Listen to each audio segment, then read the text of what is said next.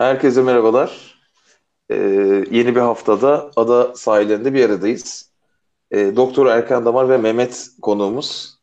Ee, geçen hafta e, çok taze bir cinayet haberi üzerine konuşmuştuk. Bir doktor abimizin e, vefatı sonrası e, şey konuşmuştuk. Sağlık sektöründe çalışanlara yapılan şiddet üzerine konuşmuştuk. E, programın sonuna doğru da aslında hani empatinin belki de birilerine en azından dinleyen birilerine fark yaratabileceğini konuşmuştuk kendi aramızda ve demiştik ki yani dikkat edin kendi aramızda hani kimsenin dinlemediğinden çok emin bir küçük nüanslar bunlar. E, şunu söylemiştik eğer doktor olmanın ne olduğunu bilirlerse insanlar doktor olmakla ilgili ya da doktora nasıl davranacağıyla ilgili farklı olabilir demiştik bir umutla. E, dolayısıyla bugün iki tane konumuz var. E, Serhat'ın bana verdiği feedback üzerine e, konuklarımızı daha çok konuşturmaya çalışacağız bugün. E, daha az tespit, e, daha çok konuşma şeklinde ilerleyecek. E, bir sırayla herkesten merhaba alalım. Serhat'cığım sana vereyim. Sen ne yaptın, ne ettin, görüşmeli iyisin. Merhabalar arkadaşlar. Öncelikle konuklarımıza hoş geldin, hoş geldin diyelim. Bu konuklu konsept gayet iyi oldu. Ama geçen hafta evet kendimizi bir öz eleştiri getirdik. Konukları çağırmışız ve bizi dinlemeleri canlı yayında dinleyen sayısını en azından 3'e 5'e bağlamayı böylece garanti altına almışız. Çok sizi konuşturmamışız yani gördüğüm kadarıyla. ee, sohbet de çok güzel olmuş. Benim çok hoşuma gitti. Ee, bu şey değil mi? Inşallah... Erkan'ın Erkan'ın eşi dostu e, Mehmet'in akrabaları falan böyle hani izleyen 3-5 kişi evet, evet. çıkardı. yani baktık ki kimse izlemiyor. Konuk olarak alalım mecbur kalsınlar gibi oldu. Yani, yani. şey yapalım abi fenomen alalım yani. Bundan sonra daha böyle takipçisi kalabalık bir kadroyla. Sen nasılsın Mehmet'ciğim görüşmeyle? İyi abi sağ olun. Bugün biraz ya kalabalık değiliz. Hani bu cümle normalde kurulmaz. Biraz anlatım bozuk var ama kalabalık değiliz abi kusura bakmayın. Bir ben varım. Yok estağfurullah. Geçen hafta zaten bir kabul gününe gelmiş gibi. Yani bir yerden kısır çıkacak ve konuya kısırlarımızı yiyerek devam edeceğiz gibi hissediyordum ben. Aslında taktik bir hareket yaptım. Yedi doktoru aynı evde hani buluşmaya ikna ettim ama o eve gidemedim ama öyle bir sıkıntı oldu. o ev senin evin değil yani. Yok değil abi. Çünkü bana son anda misafir geldi. O yüzden. Erkan sen ne yaptı görüşmenin? İyi abi sıkıntı yok. Kaldığımız yerden devam. Ada şartları. Ha, Kıbrıs sefer, devam ediyor. Tabii bu sefer görüntümle sizle beraber olamıyorum malum. Ee, internet altyapısından dolayı. Evet. Az önce Serhat'a söyledim. Burak'ın Kıbrıs'la ilgili bütün planları internetle ilgili e, megabit seviyesini öğrenince bıraktı demiştim. Evet evet. ne yazık ki. Yani şöyle hani benim açımdan önemli ya. Yapacak bir şey yok yani hani. Ee, şey olabilir. Üstümde bir çatı olmayabilir ama internet olması kıymetli. Evet o zaman şöyle başlayalım. Ee, doktor olmaya ne zaman karar verdiniz? Hayat mı sizi doktorlu yaptı yoksa zaten doktor olmakla ilgili bir enerji, bir istek var mıydı? Doktor olunur mu, doktor doğulur mu mesela? ha yani. Ben başlayayım abi istersen. Ben doktor olunur kısmındayım. Doğanlardan değilim çünkü. Ee, benim bütün hayalim pilot olma üzerine kuruluydu. Beni ya. yakan da o e, malum Top Gun serisi Maverick Maverick hepimiz ya. O, onun gibi yakışıklı olacağız sanıyorduk. Sonra bunun yolu olarak asker liseye girmiştim zaten. Asker lisedeyken de son sınıfa doğru geçerken ikinci sınıfta sağlık muayeneleri var. Orada beni askeri doktorlar dediler ki bu adam pilot olamaz. Sinüzit dolayısıyla elenmiştim. Sonra askeri doktorlara gıcık oldum. Dedim ki ben en iyisi olayım. Öyle bir intikam duygusuyla girdiğim bir yolda şu an buraya kadar devam ettim abi. Sendeki hikaye nasıl Mehmet? Abi ben de olan kısımdayım. Doğan değil de olan kısımdayım. Benimki bu kadar şey değildi ya. Babam dedi ki işte lise sonunda dedi, ne olacaksın dedi. Şöyle bir an doktor olayım mı dedim. Olur dedi yani. Ondan sonrası malum zaten yani. Benim, benim çocukluk travmamdı şey ya işte pilot olma işi hakikaten benim çocukluğumda da henüz şey yoktu tapkan yoktu ama e, ben hatırlıyorum böyle simit almaya bize ödemişte falan şey olur böyle akşam simidi çıkar. Akşam simit almaya gittiğimde oradaki işte şeyler sorardı büyüyünce ne olacaksın falan ben pilot derdim. Orada dallamanın biri de bana şey derdi. Pilot olamaz o külottur külot derdi. ben çocuklukta gerçekle yüzleştim yani. Pilot olamayacağımı çok erken keşfettim bu tarafta. ya madem Ama herkes, ilginç... Tabii ben hikayeyi böyle anlatıyorum sanki doktor olmuş gibi oluyor böyle hani ben anlatayım. Peki Serhat sen nasıl doktor olamadın? Bir de sen söyle. Abi valla bana da bu o zaman bizim sınava girdiğimiz dönem ÖSS ve ÖSS sınavı vardı ya iki sınav vardı. ÖSS'den sonra bana şey geldi. Hava Kuvvetleri'nden işte böyle bir F-16 kapağında olan böyle bir tanıtım broşürü geldi. İşte pilot olmakla ilgili böyle çok güzel şeyler falan. E tabii ben de son derece cazip buldum yani o e, şeyi tanıtımı. E, ama Pilotlar tabii çift maaş alıyormuş ya çok bunlar. Yani şöyle ben tabii e, orada belli boy kriterleri vardı. Aradım, telefon ettim gerçekten. Ya dedim hani benim boyum 1.98. Ya dediler ki bizim maksimum alanımız 1.95 yanlış hatırlamıyorsam. Evet. Ya hani böyle bir santim falan olsa belki kurtarırdı ama işte 1.98 deyince düşünsene ben F-16'da böyle kafam böyle cama değil hafif böyle kafayı böyle eğmişim falan. Açık gidiyormuş Dediler abi. evet ne yazık ki dediler sizi alamayız. Ben de Peki bir tabii- şey soracağım. Ee, burada tabii şöyle bir şey de var. Bu doktor olarak sizden bu konuda e, bir konuyu merak ediyorum. E, bu hafta 140 Jornos e, şey açıkladı. Türkiye'nin penis boyu haritasını açıkladı. E, ve harita çok ilginç. İzmir, Muhabbet nereye gidecek çok merak ediyorum şu an. İzmir, İzmir 18 santim üstü. Kars, Iğdır falan o bölgeye böyle Ağrı orası 18 santim üstü. Ondan sonra böyle küçülerek devam ediyor. Hani Şimdi tabii Serhat'la ben de İzmirliyiz. Burada hani Bak yani ben konuyu nereye Hayır yani sor- soru şu. Yani bu, bu konu e, bir anketle mi yoksa bunu bir öl- ö- ölçerek mi bir şey? Hiç bilginiz var mı çalışmayla ilgili? Abi bizimkiler de Muş tarafından yani. Kars'a yakınlar. Yani hani şey bilmiyorum işte. Ben sadece e, araştırmanın gerçekliğini çünkü e, bana sorduklarıyla tabii yani soru okey. Soruya göre bence zaten herkes çok başarılı da yani günün sonunda bizi İzmir'i Serhat temsil ediyorsa e, o konuda hani şey olmak istedim yani bu bir örneklemle nasıl çalışılmış tam olarak emin olmak istedim yani. Abi program empati saati değil mi? Empati yapmam gerekiyor İzmirlilerle. Yani işte yani ben ülkenin geri kalanıyla empati yapalım diye. İzmirli olarak biz hani biz diğerlerinin empati yapmak için şey yapalım dedim. Ben Gerçekten yeterli bu örnekten ölçümler- büyüklüğünün olmadığını düşünüyorum bu çalışmanın. Peki bu e, yani siz biliyorsunuz sonuçta e, bilim adamı vasfı taşıyan sizsiniz doktor ünvanınızda. Ya bu çalışmalar böyle ölçerek mi oluyor yoksa anket falan gibi şeyler de yapılabiliyor mu? Geçerli mi anketler? Bunun çok ölçerek olduğunu düşünmüyorum açıkçası ben.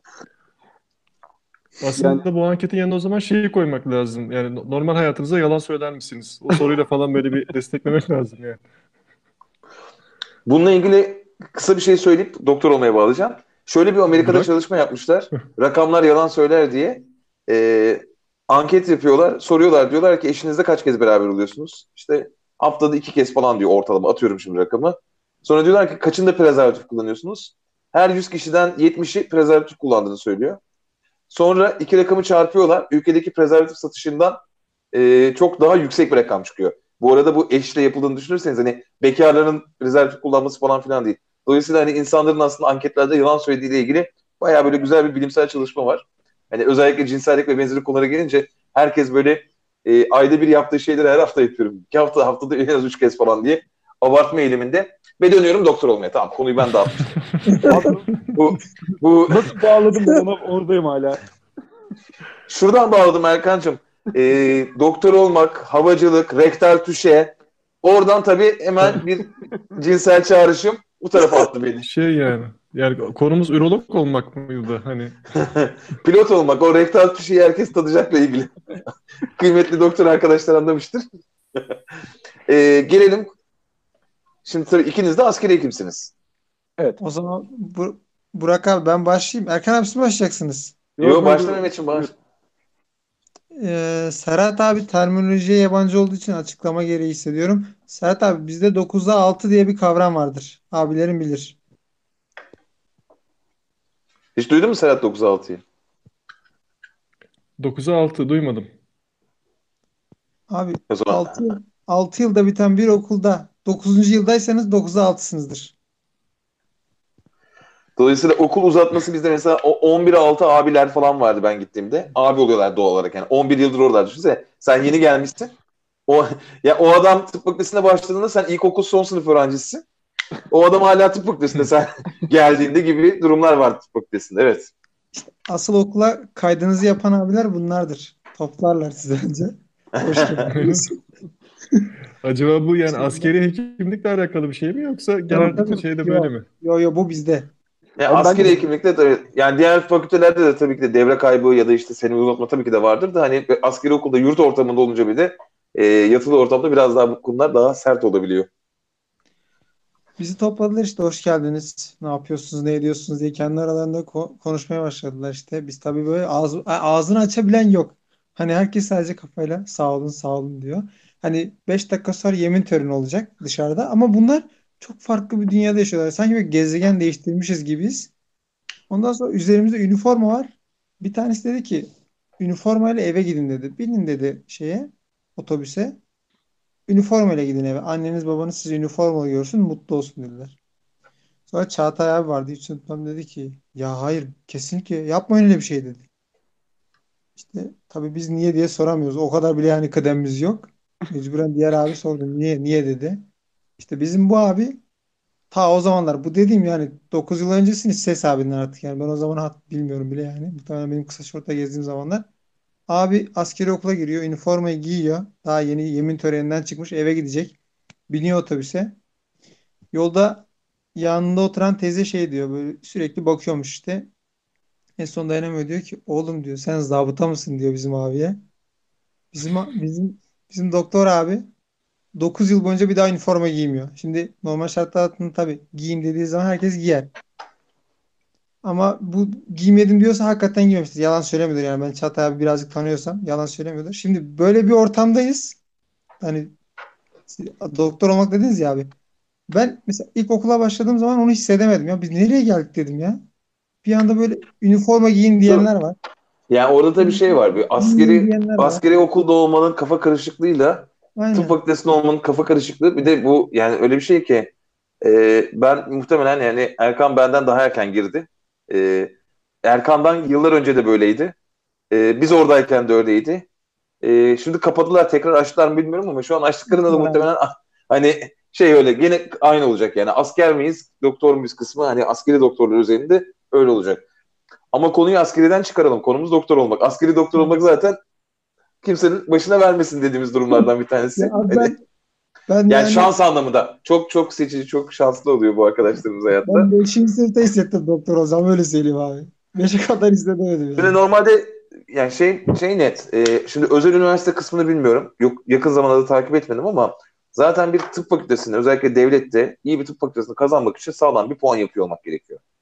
Dolayısıyla hani e, o, o puanı yapmak da şans eseri olacak bir şey değil. Zaten disipline çalışmayı, e, odaklanmayı, e, ne istediğini bilmeyi genel anlamıyla hani atıyorum tıp puan alıyorsa bu adam mühendislik de kazanabilir, iyi bir mühendislik de kazanabilir ama hani tıbbı kazanmak da zaten çok kolay bir şey değil. Doğru mudur? Yoksa özel üniversitelerle beraber bu iş aslında birazcık da kolaylaştırmıyor. Yani bu siz önce kazanmaktan başlayalım. Hani şu anki eğitim sistemindeki o kazanç durumu nasıl? Abi Bu kazanmak çok hala pardon arkadaşlar siz bura, bura net duyabiliyor musunuz Ben de duyuyorum. Bende de sıkıntı yok. arkadaşlar? Senin senin bağlantın bozuk. Senin bağlantın bozuk. Onu Ya da ben- duymuyor. Ben cevapları bile duymadım. Evet. Senin bağlantında sıkıntı var o zaman. İyi, sevindim yani. Sadece benim bağlantımda sıkıntı yok. Siz devam edebilirsiniz. Haydi Erkancığım anlat bakalım. Abi şöyle şu an için çok fazla bir şey değişmedi. Hala tıp fakültelerini kazanmak zor. Özel üniversiteler açıldığında bu olay biraz diğer branşlarda kolaylaşsa bile maliyeti çok yüksek hala. Yani burslu kazanmak dediğinizde zaten yine e, çok yüksek yüzdelik dilimlerin içerisinde olmanız, çok düşük yüzdelik dilimlerin içerisinde olmanız gerekiyor. E, yo ben kendim biraz e, aileyle ilgili sıkıntım yok, parayla ilgili problemim yok dediğinizde dahi hem yine belli bir seviyede olmanız gerekiyor. Bir de maliyeti çok yüksek olduğu için çok tercih edilebilir durumda değil. Onun haricinde sen hani madem olay en başından başlıyoruz, girme kısmı ile ilgili başlıyoruz. Benim burada gördüğüm ufak bir hata olduğunu düşünüyorum ben. Hani bizim seçilim kriterlerimizle ilgili. Ee, senin de bildiğin üzere abi sayısalcıyız biz. Evet. Tıp fakültesi sayısal, sayısal üzerinden alıyor. Ve çok iyi matematik yapan, analitik zekası yüksek olanların iyi hekim olacağı ile ilgili bir algımız var. Ama madem ki hani aslında şu anki ana bizim konumuz empati. analitik zekası çok yüksek olanlar empati konusunda çok başarılı mı kısmındayım ben aslında. Bu konuda bizim e, o sosyal zekamız ya da yeni tabiriyle bu duygusal zeka dediğimiz kısım acaba bizim hekim olan kısımda bu çok yüksek mi? Çünkü biz biraz daha aslına bakarsan madem kazanmak bu kadar zorsa daha as asosyal bir gruptan seçiliyoruz. Yani e, lise Yani aslında hayatında şey değil mi? Hani e, ma- ma- matematikle uğraşan, e, kimya Aynen sorusu öyle. çözerken zevk alan ve aslında insanlarla muhatap olmayıp hani odasında Aynen ders çalışıp mutlu olan insanlardan bahsediyoruz. kesinlikle Mehmet zaten bu grubun içerisinde e, en başı Mehmet bu konuda çok mutlu sırıttı orada. evet ben diye.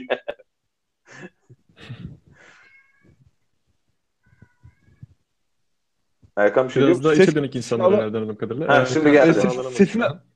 Ha, sesini alamadım en son sesini. Sadece şöyle abi.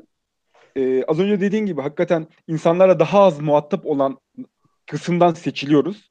Ve insanlarla en çok muhatap olması gereken mesleğin içine atılıyoruz. Peki Burada aslında, aslında bir burada ben bir şey soracağım. Peki aslında yani orada belki de şöyle bir durum var. Şimdi doktor olmak aslında bir hizmet sunmak gerektiriyor. Ama tıp genel anlamıyla daha bilim, analitik düşünce ve benzeri Evet. şeyler getiriyor. Burada aslında hani tebabetle bilim adamı vasfının biraz ayrılması gerekiyor gibi geliyor. Yani Çünkü e, çünkü az önce çok fakültesinde sen söyle. az önce şey dedin ya abi hani o o puanı aldığında istersen mühendis de olabilirdin. Ama tıp fakültesini de seçebilirsin. Ya da az önce Mehmet'in e, seçim kriterlerinden bahsederken babasına sormuş ya ben ne olayım? İyi bari doktor olayım demiş. Doktor olmasaydı yap, al- aldığı puanla girebileceği yerlere baktığında bilgisayar mühendisliği var ya da işte diğer daha tek başına çalışarak mutlu olabileceği branşlar var aslında. Ve daha e, duygusal zekayı daha az kullanan bir grup içerisinden duygusal zekanın en çok lazım olduğu meslek grubunun içerisine atılıyoruz.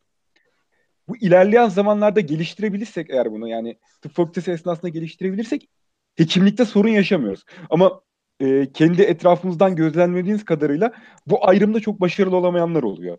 Yani o analitik zekayla devam edip duygusal zekayı çok fazla geçemeyenler ilerleyen zamanlarda hele ki bir de branş seçiminde yine daha az e, insanla muhatap İnsan gözü. branşa geçemediyse çok daha fazla sıkıntı yaşıyorlar.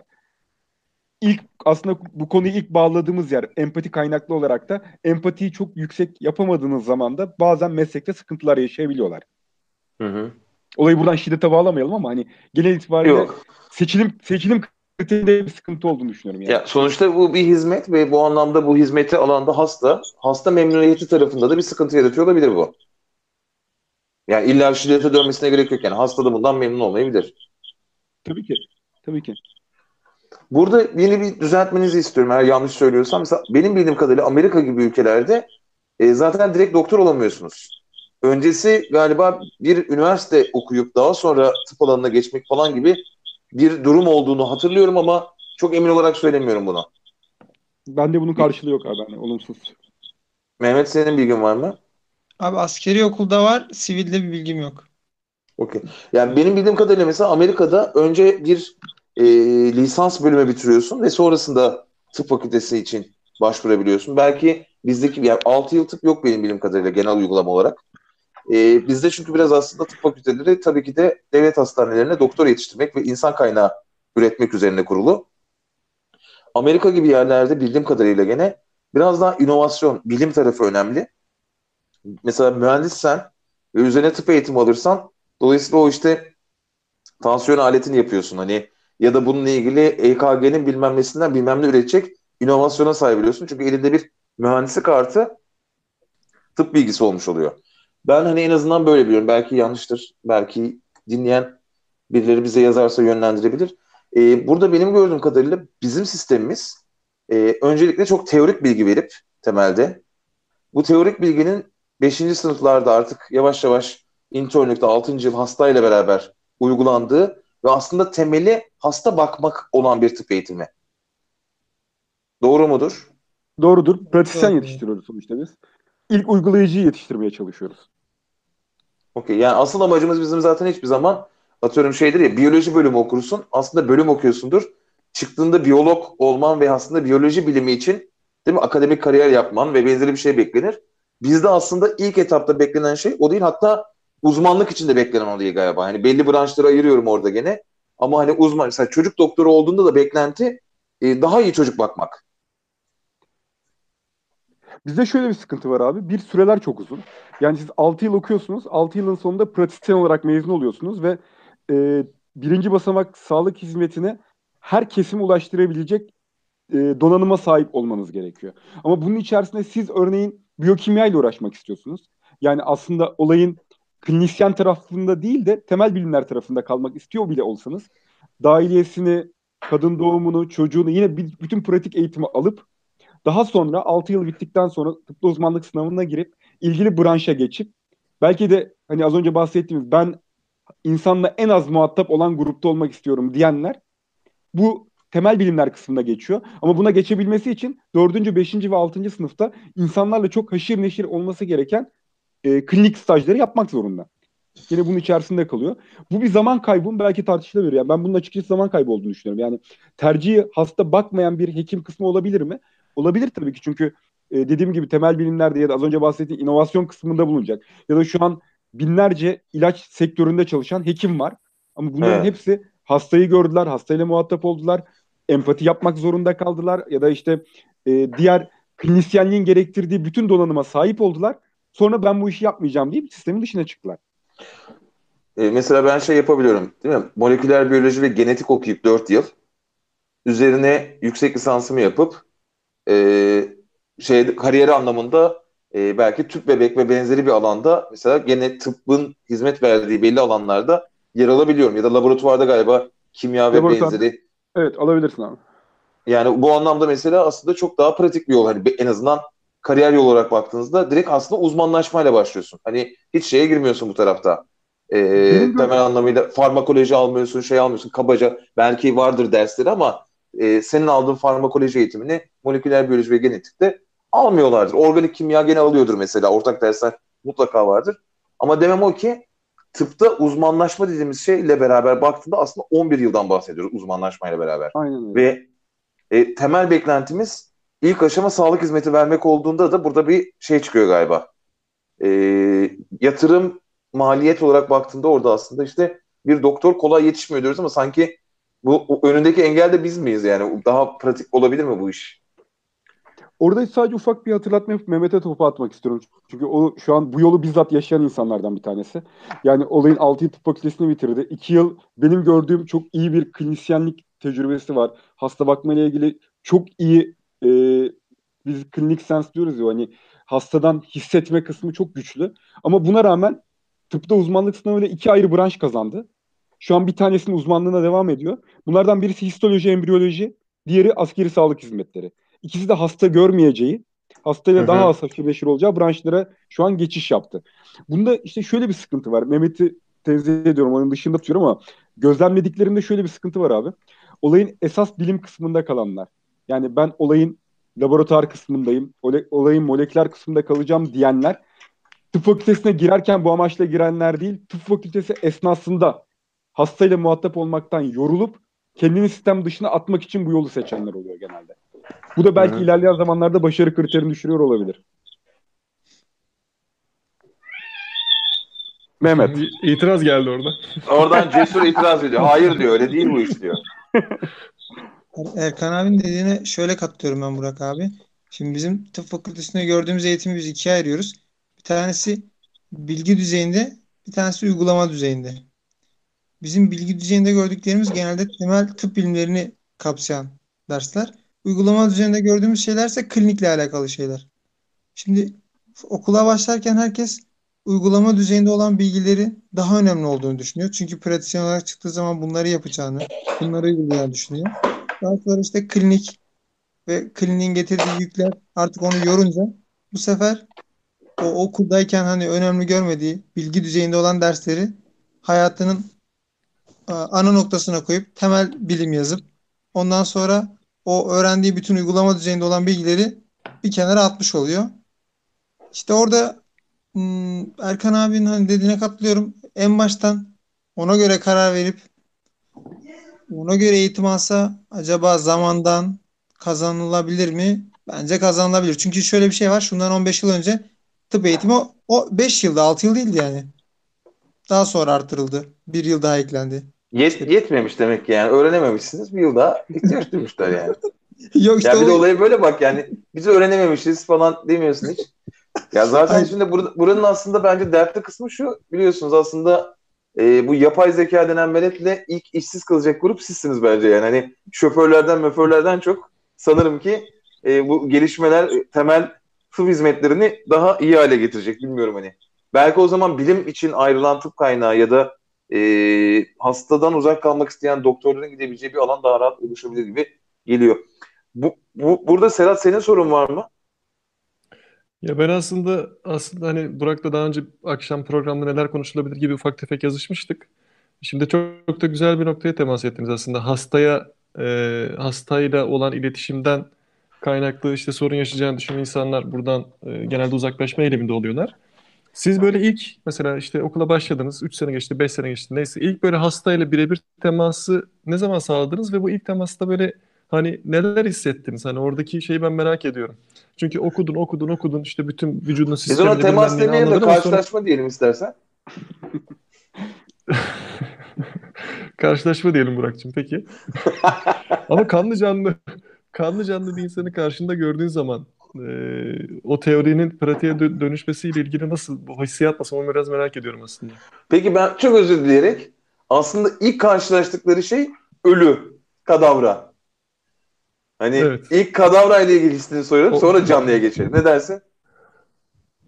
O da olur. Erkan Damar ilk kadavra gördüğünde ne hissettin? O formaldehit kokusunun dışında. Ben dışında değil abi direkt içinde oradan başlamak istiyorum. Çünkü o kokuyu bütün zerrelerine kadar hissediyorsun. En zor kısmı aslında o formaldehit kokusuna alışmak açıkçası. Ee, kadavrayı gördüğüm biraz olayın zıpırlığındayız aslında. Daha yeni liseden çıkmışsın, ergen kısmını yeni post ergensin. Ee, kadavra ile ilgili daha önce tıp fakültesinde defalarca şakalara maruz kalmışsın. Tıp fakültesine gir- girmeden önce de bunun diyaloglarını çok görmüşsün. Çok büyük bir duygusallık içerisine girmedim açıkçası ben kadavra odasına girdiğimde. Sadece şeyden çok etkilenmiştim. Ee, sen de hatırlarsın kadavra salonunun girişinde ee, burada ölüler dirileri eğitir yazar Hı hı. bizim o ee, Latince. Sanırım e, Hiç Morty Willis Educant falan gibi bir şeydi yanlış hatırlamıyorsam. O yazı hoşuma gitmişti yani çok ilginç gelmişti. Burada ölüler dirileri eğitir. Daha sonra bizim için o kadavranın e, herhangi bir materyalden çok fark kalmıyor. Bir eğitim materyali oluyor sonuçta. Eğitim destekleyici malzeme haline geliyor. Yoksa bu da bir canlıydı. Zamanında yaşamıştı. Bunun da hayalleri vardı gibi. Olayın romantik kısmına çok girdiğimi hatırlamıyorum. Belki o zaman girmişimdir ama şu an bununla ilgili bir anım yok kafamda. Herhangi bir şey hatırlamıyorum. Temas konusunda da kadavradan hemen hızlıca çıkayım sonra Mehmet'e atayım. Onun, onun hikayesini geçmek istiyorum. Ee, ilk temasımız aslında bizim çok yakın arkadaşımızla oluyor tıp fakültesi. Çünkü birinci sınıfta biyokimyada birbirimizden kan almamız isteniyor. Ve ilk girişimsel uygulamamızı e, nazımız geçen Arkadaşa insana yapmak. girişerek. Aynen. Nazımız geçen bir insana bir de hani bize güvenecek önce gel abi gel ne olacak gir damarıma diyecek. Damarı özellikle söyleyeyim ki. diyebilecek bir- birisi ol- olması gerekiyor. Çok çok tehlikeli sularda Evet. yüzüyorsun Erkan. Burak'ın olduğu Evet. ortamlarda. Burak Hayır. da yaptığı için rahatım bu konuda. İlk duyduğumdan beri aklımda şey dönüyor şu an benim. Gir kanıma. Arkada da o çalıyor bende şu an. Oradayken yani o onunla ilgili mesela e, çok heyecanlandığımı hatırlıyorum yani. ilk kez girişimsel bir uygulama. Vücut bütünlüğünü boz- bozuyorsun çünkü bu e, karşı tarafın canını yakıyorsun. Kan çıkıyor dışarıya. Oradayken ilk kez ben ya ne oluyor ben acaba hekim mi oluyorum kısmını orada hissettiğimi düşünüyorum. Mehmetçim. Valla o biyokimya benim arkadaş. Sesin az geliyor Mehmetçim ya. Şu an duyuyor musunuz abi? Olumsuz. Evet ama az geliyor. Takayım. Şu an daha iyi. Şu an çok iyi. Yok şu an daha iyi. Tamam. Ee, biyokimya bizde de vardı da benimki o kadar şeydi hani anlatıl şöyle arkadaş iğneyi saplayıp bırakıp gitti. Öyle söyleyeyim benimkinde. Tamam senin o ilk hasta tecrüben. Senin hani senin doktorluk tecrübeni soruyorsun. Ben çok kötü hatırlıyorum abi. İlk hasta. tecrübem şöyle Niye, gitti derken okulu mu bıraktı? Ne yaptı yani hani? Ya bir şey almak için yan masaya gitti ama böyle kan akıyordu orada işte öyle. Ya bu böyle kalacak mı dedim. Yukarıdan bastırdım ondan sonra bir parça. Benim ilk bize ilk e, dikiş atmayı öğrettiklerinde e, arkadaş tabii bize ilk dikiş atmayı öğrettiklerinde bu bir fare üzerindeydi.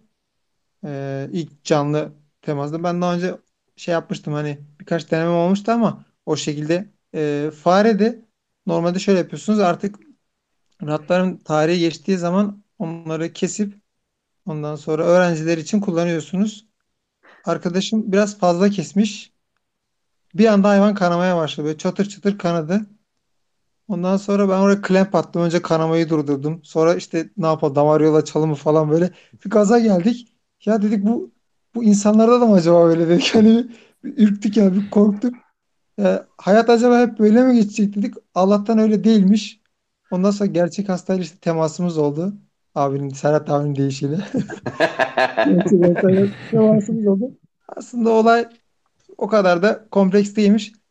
Ama böyle tam gerçekten hastayı hissettiğim, tek başıma yönettiğim, böyle haz aldığım yer internlükti yani.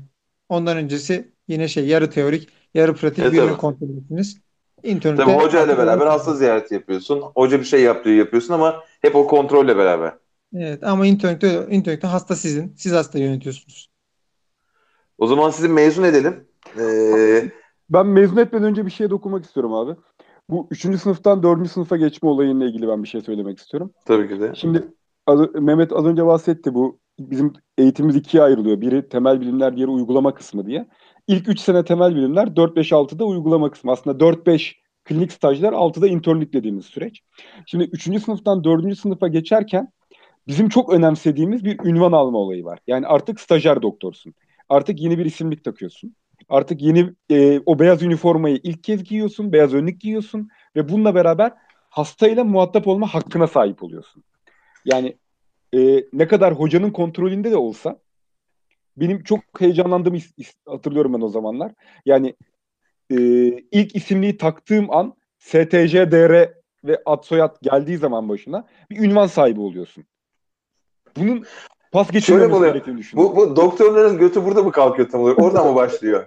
Bu vatandaşın hani hep böyle doktorların böyle bir yukarıdan olma durumu var ya vatandaşın çekemediği falan. Orada mı başlıyor Erkan? Yani oradan sonra mı yavaş yavaş internlik falan? Genellemeyeyim ama benimkisi o zaman kalktı yani. İşte o zaman Instagram olsaydı mesela hemen resmi çekip Aa değil mi? Hemen. resmi Şey profil fotoğrafları güncellenir hemen değil mi? Önlüklü fotoğraflar, profiller güncellensin falan. Aynen. Mezun edelim siz hadi gelin.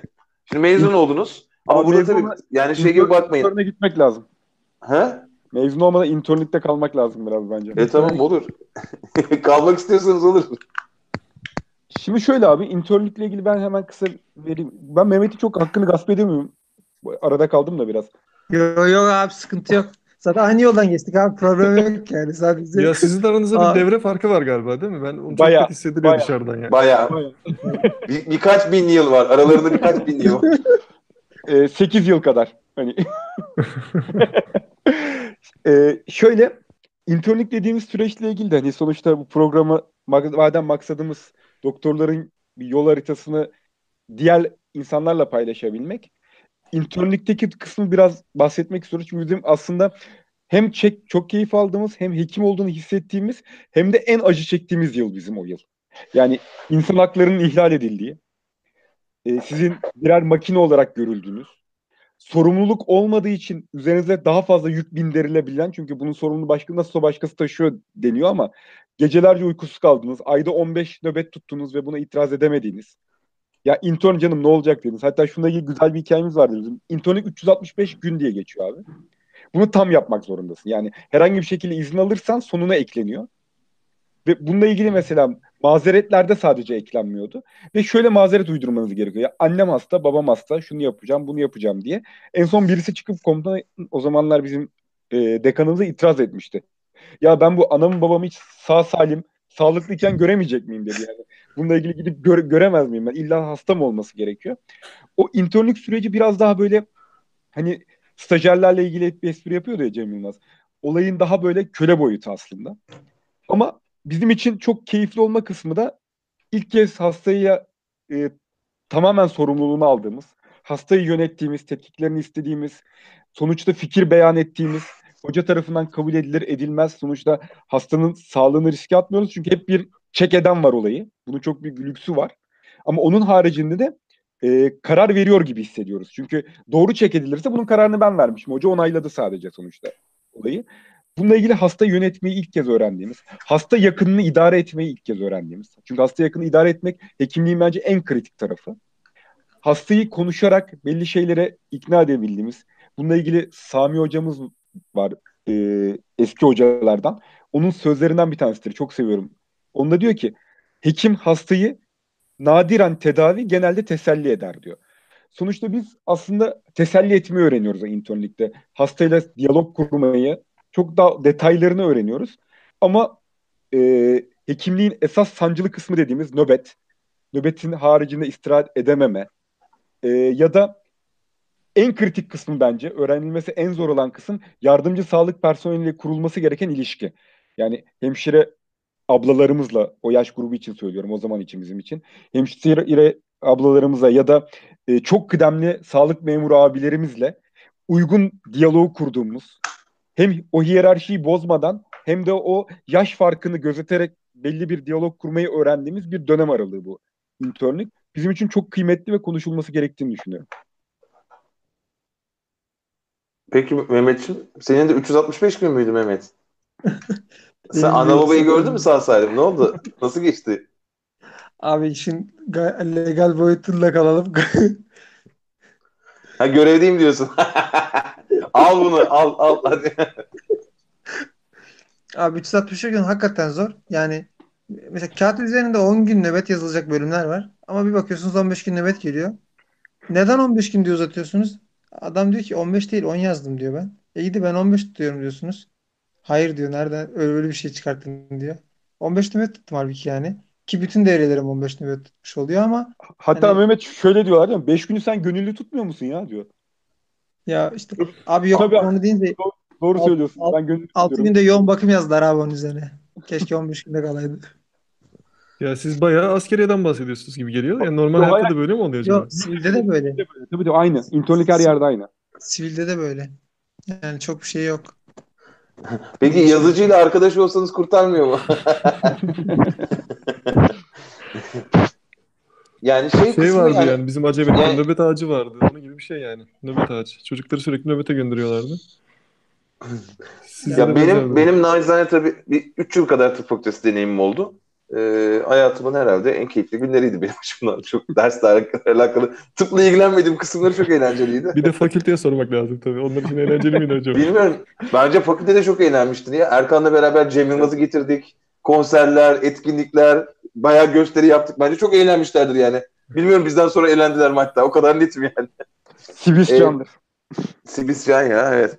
Ee, benim orada sadece hani burada gözden kaçan kısmı yani şu benim tıp fakültesi deneyiminde mesela şöyle bir gerçek vardı.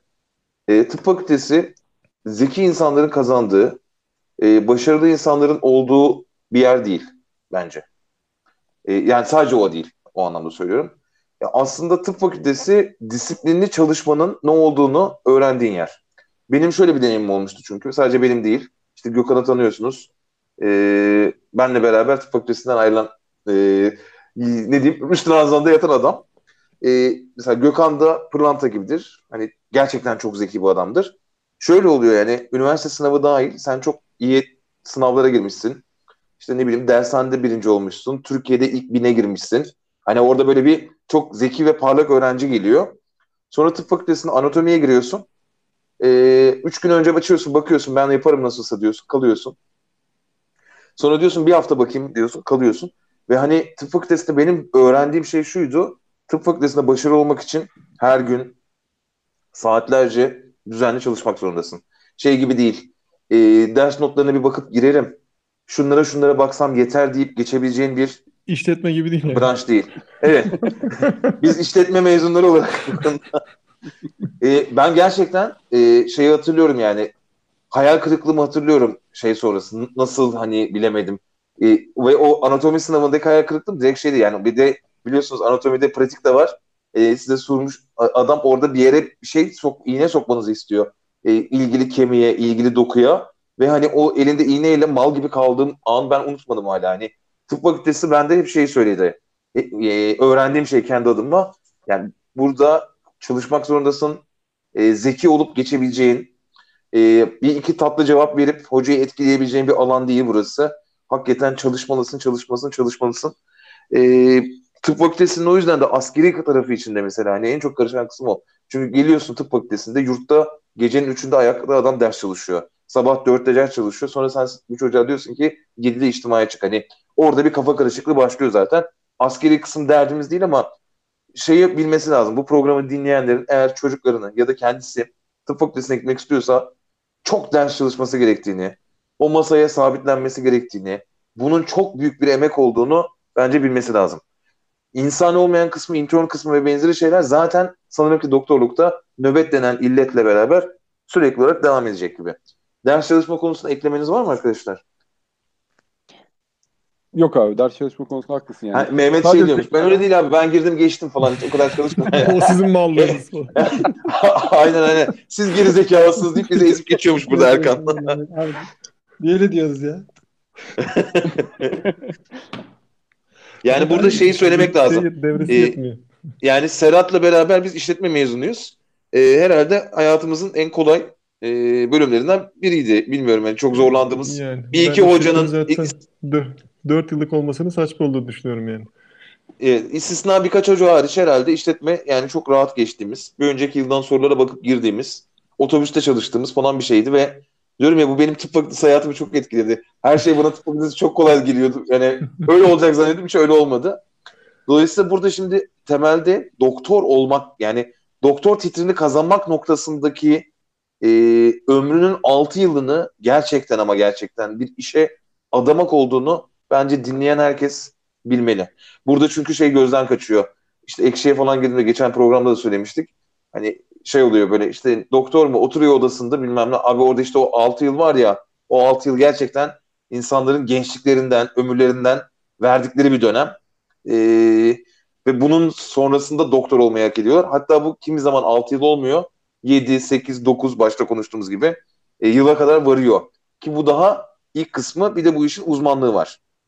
E, uzmanlık tarafı nasıl oluyor Mehmet? Bize birazcık da uzmanlık anlatır mısın? Mezun olduk yani abi. Başladı. E, mezun ettim artık hani. Sizi takdir edip mezun ettim. Daha ne yapayım? Ee, Erkan abinin de e, şey yapı onaylayacağı üzere onun zamandaki uzmanlıkla bizim zamanımızdaki uzmanlık arasında birazcık fark var. Çünkü onun zamanında okulumuz e, askeri okulu şu an sivil bir okulda e, eğitim görüyoruz. O yüzden birincisi şu an için e, bir üniforma zorunluluğumuz yok. Herkes rahat takılıyor. Ama Zaten şey gibi gitmesin Mehmet. Askeri okul gibi değil. Genel anlamıyla tıpta uzmanlık gibi konuşalım bence. Yani daha geniş olsun konu. benim bölümüm üzerine konuşacak olursam abi ben nispeten rahatım. Şöyle rahatım. Ee, mesela işte bugün bir bin sayfa falan okudum. Yani bir iki tane tez bitirdim. Daha sonra onu hocaya sundum. Sonra hocayla beraber bir derse gittik. Hoca ders anlattı. Ders dinledim. Sonra döndük. Ee, tekrardan işte hoca bir günü çek etti. İşte yarın öğrencilerimiz gelecek. Onu konuştuk. Ya benimki biraz daha akademisyenlik gibi gidiyor hocayla beraber. Ya bizim günlerimiz böyle geçiyor. Sürekli okuma ve onunla alakalı işte öğrenci yetiştirmeyle geçiyor. Yani uzmanlığın benim şu an için rotasyonlarım yok. Hasta görmeye önümüzdeki sene başlayacağım. Ben bu sene hasta görmüyorum. Benim bölümümde şu an hasta yok. Ee, o yüzden ben biraz daha nispeten diğer bölümlere göre rahatım ama hani mesela 3 3 haftadır 4 haftadır eve gitmeyen devrem var mesela. Geçen acilde gördüm çocuğu. Ortopedide asistan. Orada yatıyordu değil mi? Yatıyordu. Hani- İşte şöyle oldu. Şimdi ben hastayı gördüm. Hasta karşıdan geldi. Hastada işte e, yani zaten görünce direkt şey yaptım. Bu Kalçası çıkıyor artık kırı var belli yani. Onu bir şey acilde bir odaya aldılar. Sonra ortopediden asistan çağıracağız dediler. İşte şansa benim devre geldi. O ne yapıyorsun iyi misin dedim. Şöyle kafayı içeri doğru uzattı. Hastayı gördü. Hadi gidelim dedi. Dedim muayene etmeyeceğim mi? Abi dedi 16 gündür 16. gün yani nöbetimdeki 16. günde de ölüyorum artık dedi. Muayene edemiyorum artık dedi. Direkt bölüme götüreceğim. Yukarıda dedi hastayı değerlendireceğim dedi. Burada değerlendiremem dedi artık yani. O kadar yorgunum dedi. Çünkü yukarıda da bekleyen hastalarım var dedi. Yani onları düşündüğüm zaman onlar için asistanlık hakikaten zor geçiyor yani öyle söyleyeyim. Erkan'a burada ben bir şey soracağım. Aslında asistanlık, doktorluk kariyerinin kritik, e, asistanlık değil daha doğrusu, uzmanlık bir kritik dönüşümü. Çünkü orada benim şimdi kendi arkadaşlarımdan bakıyorum. İşte dermatolog, estetik tarafına falan giren, işte çocuk hastalıkları, kadın doğum gibi bir branşlara giden e, ya da e, biraz daha akademik diyebileceğimiz alanlara giden belki ne bileyim işte biyokimya, moleküler biyoloji ve benzeri böyle biraz daha hani bilim bilim olan konulara gidenler var. Burada aslında doktorun temel motivasyonu birazcık değişiyor. Burada sanki e, daha önce konuşmadınız. Pratisyen hekimlerin artık çünkü biraz böyle şeyde kalmaması beraber muayenehane falan filan. Hani bu anlamda e, pratisyen hekimin geliri biraz performansa baktığı hasret sayısıyla belirlenen bir durum. Genel için söylüyorum. E, burada ama şey devreye giriyor yani uzmanlık sonrası aslında nasıl bir hayat istediğinle ilgili bir böyle bir hayat tarzı seçimi de devreye giriyor mu Erkan? Ya da nedir oradaki motivasyon? Abi bu soruya geleceğim ama sanki ben her seferinde böyle seni biraz frenleyip geri çekiyor gibi hissediyorum. Hiç önemli değil. Çünkü atlanılan yerler olduğunu düşünüyorum şeyle ilgili. Çünkü mezun olduk şu an. Mezun Arkadaş sen yönet o zaman programı. Allah Allah.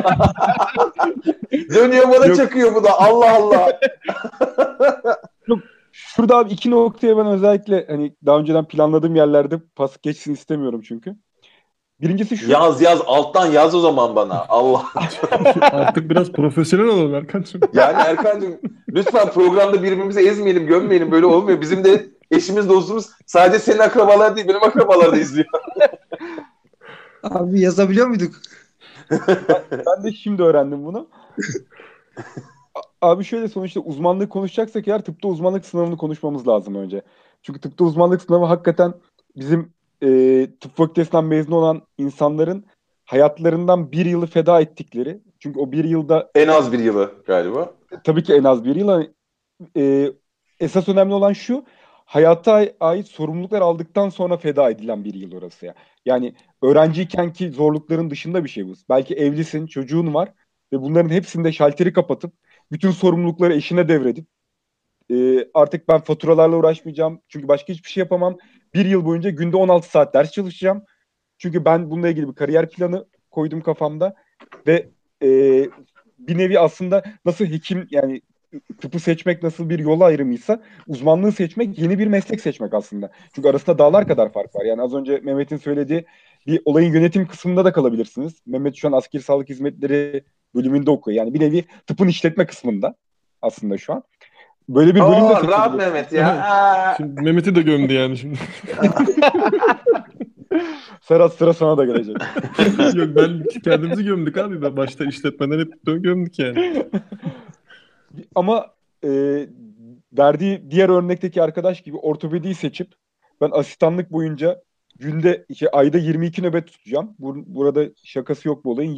22-24 saat tutuyorlar. Yani 30 günün 22 gününü klinikte yatarak geçiriyor ortopedistler. Bunu da seçebilirsiniz ya da ben hasta görmeyeceğim, temel bilimlere gideceğim. Tıp fakültesi öğrencilerin anatomi öğreteceğim deyip akademik bir kısmı da seçebilirsiniz. Bir nevi sıfırdan bir hayat seçiyorsunuz uzmanlık sınavında. Bunun karşılığında bir yılınızı heba ediyorsunuz aslında.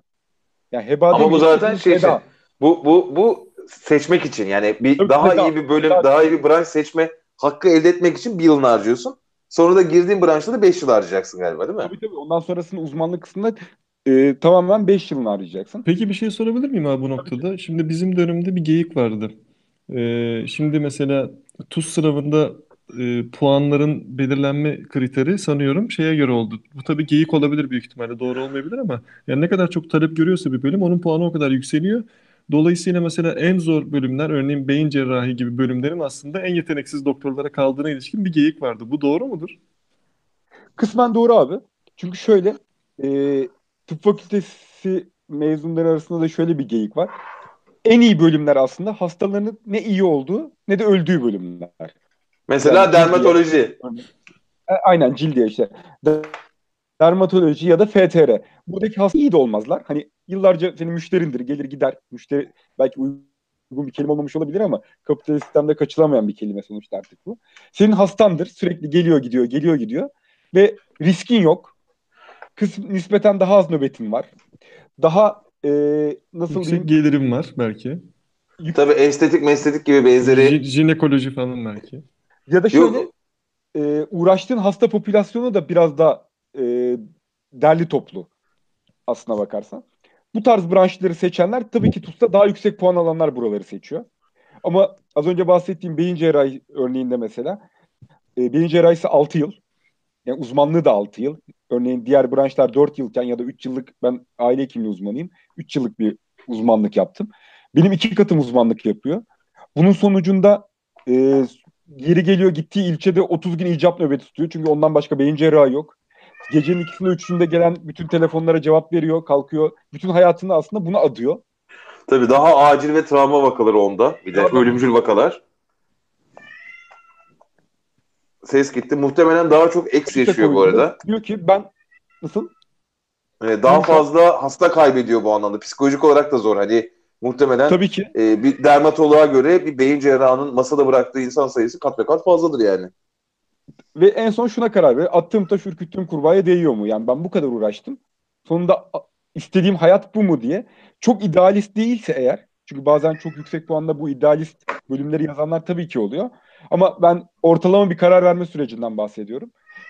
Daha genel- rahat bir hayat, daha rahat ekonomik koşullarını sağlayabileceğin, ekonomik şartlarını düzeltebileceğin, daha az stres yaşayabileceğin, ailene, çoluğuna, çocuğuna daha fazla vakit ayırabileceğin branşlar tıpta uzmanlık sınavında daha yüksek puanla alıyor tabii ki. Peki e, burada kritik şeylerden bir tanesi bir de şu benim gördüğüm kadarıyla ne olursa olsun buranın bir de e, gelir motivasyonu var seçtiğin branşla ilgili. Evet. E, hani bu gelir motivasyonu da bu tercih sırasında bir e, öncelik yaratıyor diye düşünüyorum değil mi? Abi orada ben bir kriterin daha olduğunu düşünüyorum. Şu anki son e, hukuki düzenin oturmasıyla beraber malpraktis. Yani yanlış uygulamalardan kaynaklı başına gelecek belalar. O yüzden cerrahi branşlara şu an tercihler gitgide azalıyor. Çünkü bununla ilgili daha fazla hata yapma şansım var. Şu ana kadar az önce baştan beri konuştuğumuz bütün o yaptığın emeği, yatırımı ömrünün sonuna kadar hacizle elinden alabiliyorlar. Çünkü yaptığın bir hatadan dolayı bir cerrahi branşla bir dava kaybediyorsun ve çok yüksek meblağları ödemek zorunda kalabiliyorsun. Onun için sigorta yok mu? Şöyle sigorta kısmını biliyorsun. Kolay kolay aslında yaş tahtaya basmayan bir sektör sigorta sektörü. Şu ana kadar yaptıran çok gördüm ama hiç karşılığında sigortayı ödetebilen arkadaşım olmadı. Ya Mutlaka zaten bir şöyle bir orada bir, bir ab- abuk durum var orada zaten adı üzerinde zorunlu meslek sigortası galiba zaten yani ya bunu yaptırmama lüksü yok zaten doktorun. Tabii tabii. Hem e, yaptırmama lüksü yok bir de başınıza bir şey geldikten sonra kriterler bir başlıyor. Şu kadar gün içerisinde bana haber verdin mi? İşte yaparken bu esnada sigortan tam mıydı? Ya da kapsayacak yerde mi yaptın bu hatayı? Senin e, görmen gereken hasta popülasyonu içerisinde mi bu? Değil mi gibi bir sürü şeyin içerisinden sonuçta zararda çıkabiliyorsun. Peki bu hatanın hata olduğuna kim karar veriyor abi? Bir ameliyata Ma- girdin, bir işlem, bir operasyon oldu, hasta eks oldu. Sadece eksi olarak bakma abi. Yani e, bizim morbid Kolunu kaybetti. Değil, morbidite de, de olabilir. Yani bir sakatlıkla oluşur ya da başka bir sıkıntıyla karşı karşıya gelir. Ve hasta dava etti. Dava ettikten sonra mahkemede görülüyor. Mahkeme bilirkişi istiyor. Bu bilirkişilerden e, geri bildirim alıyor. Ve bunun sonucu bir karara varıyor. Yani bilirkişi operasyon anında tabii ki ameliyathanede olmasa bile Tüm verileri Cerrah- istiyor. Tüm verileri Hı. istiyor. Yani hastanın bütün takip kriterlerini, takip verilerini istiyor. Bunun sonucunda bir karara ver- varıyor. Ama bizim yaptığımız meslek e, çok dallı budaklı bir meslek olduğu için hani e, sizde de var aslında bu mevzuatlara bağlı hani mevzuat kapitalizmi diyorlar ya asla hiçbir zaman tam yapamazsın Hı hı. ama yapmak zorundasındır. Ne zaman ki iş, işler yolunda gitmediği zaman bu mevzuatı önüne koyarlar. Bunu niye yapmadın derler. İşte iş, iş sağlığı güvenliğinde falan da var ya hani Evet, Her şeyi tam yapmaz. yapmaz.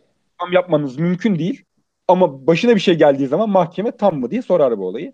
Bizim hekimlik de öyle yani her şeyi tam yapmamız mümkün değil. Şu an ben vizite defterinden dijital hasta bakmıyorum bizim kendi sitemimizde. Biz, e, vizite defteri üzerinden e, tam santimlerini bilmiyorum ama sanırım herhalde 6 santim 10 santim gibi bir boşluk vardır. O boşluk içerisinden hastayı yaptığım her şeyi yazmamı bekliyor sistem. Yani oradan kendimi savunmamı istiyor. Bu hastayla ilgili ne yaptığını o kadar bölüme sığdırmanı istiyor. Ve günde 200 hasta görüyorum ben.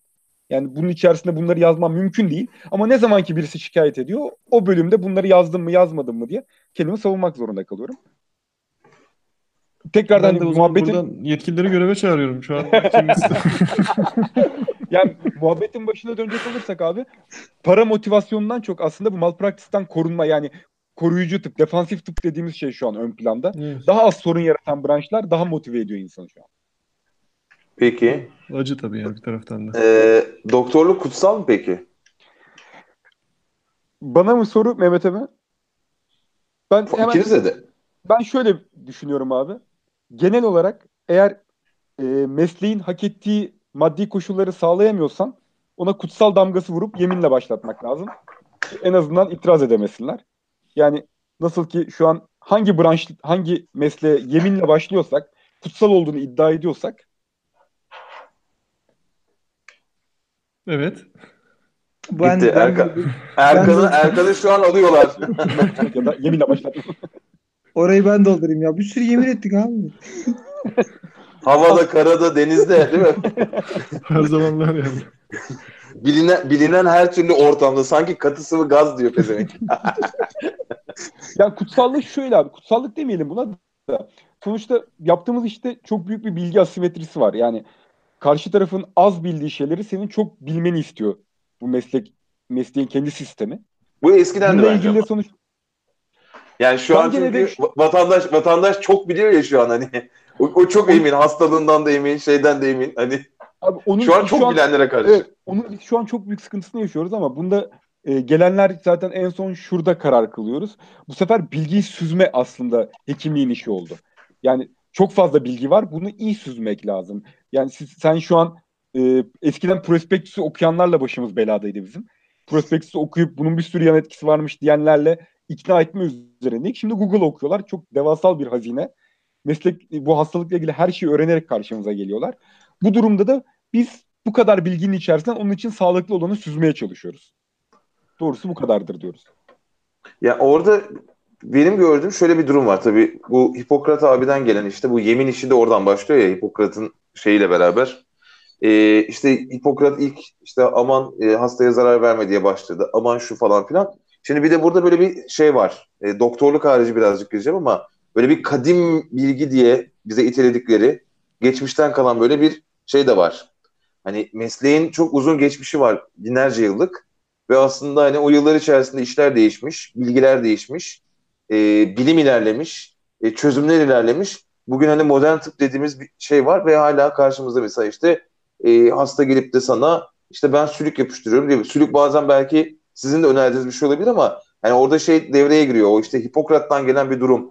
O Hipokrat'ın e, bilmem ne yapıyormuşu, e, işte Çin tıbbı falan filan.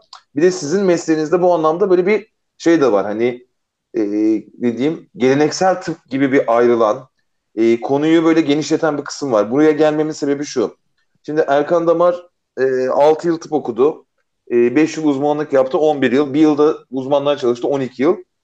Şimdi mesela böyle bakınca e, hepiniz gerizekalı gibi gözüküyorsunuz bana. Bunun yerine O Bunun yerine- yani bunun yerine şöyle bir şey yapsaydınız. E, liseden mezun olduktan sonra e, akupunktur yapıyorum deyip toplu iğneleri insanların kıçına başına batırmaya başlasaydınız 12 yılda daha çok para kazanırdınız. Muhtemelen daha çok saygı da duyulurdunuz. Hani e, öyle bir durum da var artık hani bu şey kısmında. Akupunktur değil bu arada sadece. Bu işte şey olabilir. E, homeopati olabilir. E, ki bunu yapan bir de meslekten yani gerçekten tıp okumuş insanlar var bir de homeopati yapan. E, hani kendinizi nasıl hissediyorsunuz bu durumda? Hani 12 yıl gerizekalı gibi okumuş olmak, üstüne hasta bakmış olmak hani dokunmuyor mu, rahatsız etmiyor mu size? Ben biraz yumuşatmak istiyorum abi bu süreci. Sonuçta geleneksel tıp, modern tıp ayrımına girmek istemiyorum. Sonuçta ikisinin birbirinden bağımsız disiplinler olduğunu düşünüyorum. Ben daha modern tıp kısmındayım olayın ama geleneksel tıpla uğraşan e, bu işi bilim tabanına paralelleştirmeye çalışan bir grup var. Onların hakkını yemek istemiyorum. Sonuçta e, bunda her ne kadar olayın şarlatanlık boyutu ön planda gözükse de bunun haricinde ama hakikaten e, bizim kendi disiplinimizden gelip bu olayın acaba bilim kısmı var mı? Kanıta Biraz dayalı bu şey mi? Fonks, fonksiyonel tıp falan dedikleri hadise bu mudur abi? TAT diye kısaltıyorlar. ya, Tamamlayıcı alternatif tıp diye kısaltıyorlar Hmm. şu an. Bunda ama mesela alternatifle uğraşanların güzel bir lafı var. Onlar diyorlar ki hangimiz hangimiz alternatif? Önce ben vardım ya sonra sen geldin. Hani geleneksel bendim. E, kendilerine buradan sövmek istiyorum şimdi. Sövdürme beni. Hangimiz oynadı? Yumurta mı tavuk, tavuk mu yumurta falan. Yani şimdi şöyle günün sonunda herhalde hemfikiriz ki bu kanıta dayalı tıp bu işin doğrusu. Yani adına ister modern de, ister ilkel de, ister kadim tıp de, ister Çin tıbbı de e, akupunktur yapıyorsan ve günün sonunda hasta iyileşmiyorsa, akupunkturla kanser geçmiyorsa e, buna tıp demek şarlatanlık olur. Yani bu sadece akupunktur için değil, diğerleri için de. Ama E, şey burada de yani oradaki psikolojik plasebo etkisi ya da bazı şeylerin e, ne diyeyim bazı yapılan şeylerin e, şikayeti azaltması ama aslında hastalığı iyileştirmemesi gibi durumlar. Hani ne bileyim işte senin gazın alıyordur bir şey içiyorsun. E, mideni rahatsız etmiyordur ama midende ülser devam ediyordur yani gibi. Yani bu günün sonunda kanıta dayalı tıp. Doğrusu o değil mi yani hani? öyle abi ama hani konuyu dağıtmama adına şu an toparlayayım. Ee, sonuçta konuş, şu an konuştuğumuz şey modern tıp ya da geleneksel tıp arasındaki ayrım değil. Hakikaten bu disiplin içerisinden gelip de bu kadar süre sonunda bizim e, elde e, nasıl kat ettiğimiz yoldan daha alternatif bir yolla gelip bizden daha iyi şartlara sahip olan bir grup daha var. Bunların karşısında kendimizi nasıl hissediyoruz diye aldım ben soruyu en azından. Tamam peki olur. Öyle Tamam. Peki sen. Kısaltarak al tamam. o şekilde aldım. Sonuçta evet biz çok meşakkatli bir yol. Az önce saydın sen tıp fakültesinin belli bir süresi var. Üzerine uzmanlığa hazırlanmanın belli bir süresi var. Uzmanlığı yapıyorsun ve e, biz bu yolu seçtik. Bu yolla ilgili ben çok fazla e, şikayet etme taraftarı değilim açıkçası. Yani diğerleri böyleyken niye biz böyle olduk diye değil. Çünkü biz e, bu pozitif bilimin içerisinde kendimizi mutlu hissediyoruz. Kanıta dayalı tıbbın içerisinde yaptığımızın doğru doğru kelimemi bilmiyorum ama daha e, elle tutulur sonuçlar olduğunu kendimizi en azından daha ikna ettiğini düşünüyorum bu kısmı ve ben bu kanaldayım. Diğer kanalda olanların da mutlaka kendilerince belli mazeretleri ya da savunma mekanizmaları vardır diye düşünüyorum. Peki abi ben şimdi bu noktada tam Mehmet'i de orada birazcık devreye almak adına Mehmet'e soracağım. Buradan hareketle. Ee, iki tane sorum var Mehmet. Bir tanesi ya mesela ne bileyim bir hastayı iyileştirdiğini hissettiğin o an ya da işte o hastanın gözlerindeki o ışığı gördüğün o an ya da işte herhangi bir an e, ya iyi ki bu mesleği seçmişim dediğin ya da tam tersi ya benim bu, bu lanet meslekte ne işim var kardeşim ben niye bu tıp seçtim dediğin anlar var mı? Orada nasıl oluşuyor bu süreç? Birincisini cevaplayayım abi. Onu zaten Sesin gene azaldı abicim. Bir, bir telefonun yer değiştir. Şi- Şu an duyuyor musunuz abi? Evet. Çok net. Abi Birincisini e, çoğu zaman yaşıyorsunuz çünkü ha- ge- 100 tane hasta baktınız mesela o gün. İşte her hastaya hemen hemen faydanız dokunduğunu düşündüğünüz zaman da mutlu oluyorsunuz. Güzel oluyor yani. Mesleki tatmin de varsa için içerisinde hani küçük birkaç şey de yaptıysanız o güzel oluyor. Diğeri hani şuraya geldiği nokta var ya abi. Ben onu bir, iki yılda bir veya iki defa yaşadım ama hakikaten artık e, patlama noktasına geldim. Çünkü çünkü o da şeyden kaynaklı yani çok kalabalık, çok fazla e, dönmüyor. Şimdi herkes hasta. Yeter dedim yani bıktım yani daha orada da işte karşı taraftakinin o şeyini atladım ben. Karşı taraftakinin beraberinde psikiyatrik yakaması vardı. Ben onu atladım. Ben ona sadece o günkü şikayetiyle bakayım dedim. O da kapının önüne çıkınca ortalığı karıştırdı. Sonra onun yüzünden o günkü vizite yalan oldu. Sonra ben dedim ki ya dedim işe de hastaya da koptum yani abi. İki yılda bir defa yaşadım o olayı. Ama diğer ilk dediğinizi e, bir de böyle basit bir birine şöyle bir dokunduğunuzda iyiliğiniz dokunduğunda da şey oluyorsunuz yani hissediyorsunuz onu. Güzel oluyor yani öyle söyleyeyim. Bu- bunu şeye bağlayabiliriz o zaman. Ben kutsal diye kasten söyledim ama hani asıl burada böyle bir şey var. Anlamlı bir iş yapma hissi ne olursa olsun tıpta e, muhtemelen diğer çoğu meslekten daha fazla var. Çünkü gerçekten e, bir hayata dokunmak, bir hayatı değiştirmek, e, belki hani ölümden e, birini almak e, bazen bir doktorun elinde oluyor. E, bu anlamda hani daha anlamlı bir iş var. Bu aslında büyük bir motivasyon kaynağı.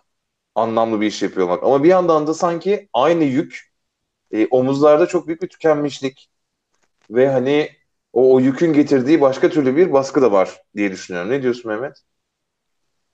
İlla ki abi yani şimdi mesela bir dedik ki işte iyiliğiniz dokundu kendinizi iyi hissettiniz bir iyilik hali içerisindesiniz.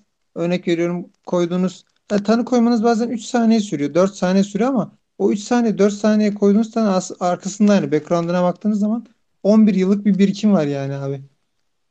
Yani üzerinizde e, ya da işte abi için konuşuyorum 11 yıl benim için konuştuğum zaman işte be- 6 yıl 7 yıllık bir o biraz daha yaşlı ya abi.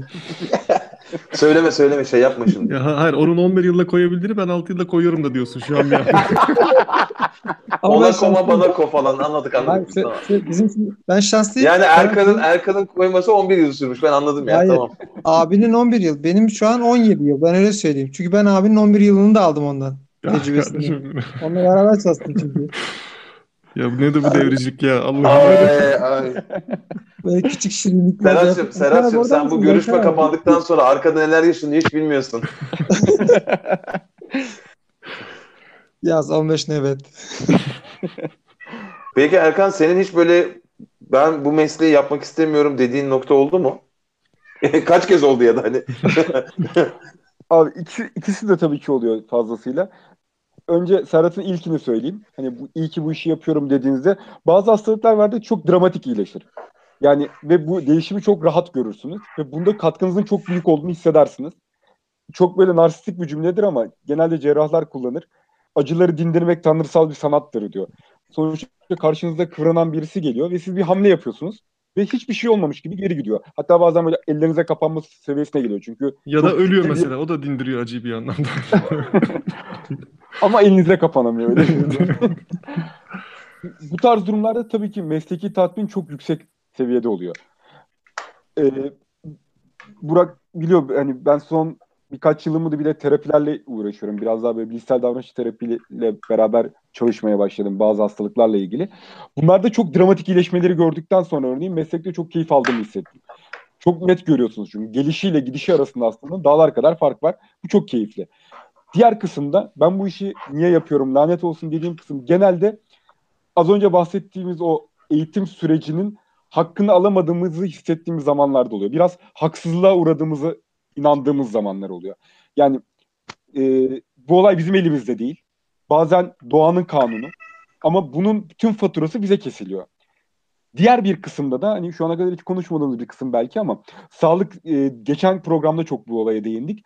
Sağlık sisteminin son te- e, temas noktası ve e, sorumlu noktasısınız aslında. Yani yolun, yolunda gitmeyen her şeyin muhatabı olarak hekimsiniz. Ve diyorsunuz ki bu benim işim değil. Bunun muhatabı ben değilim.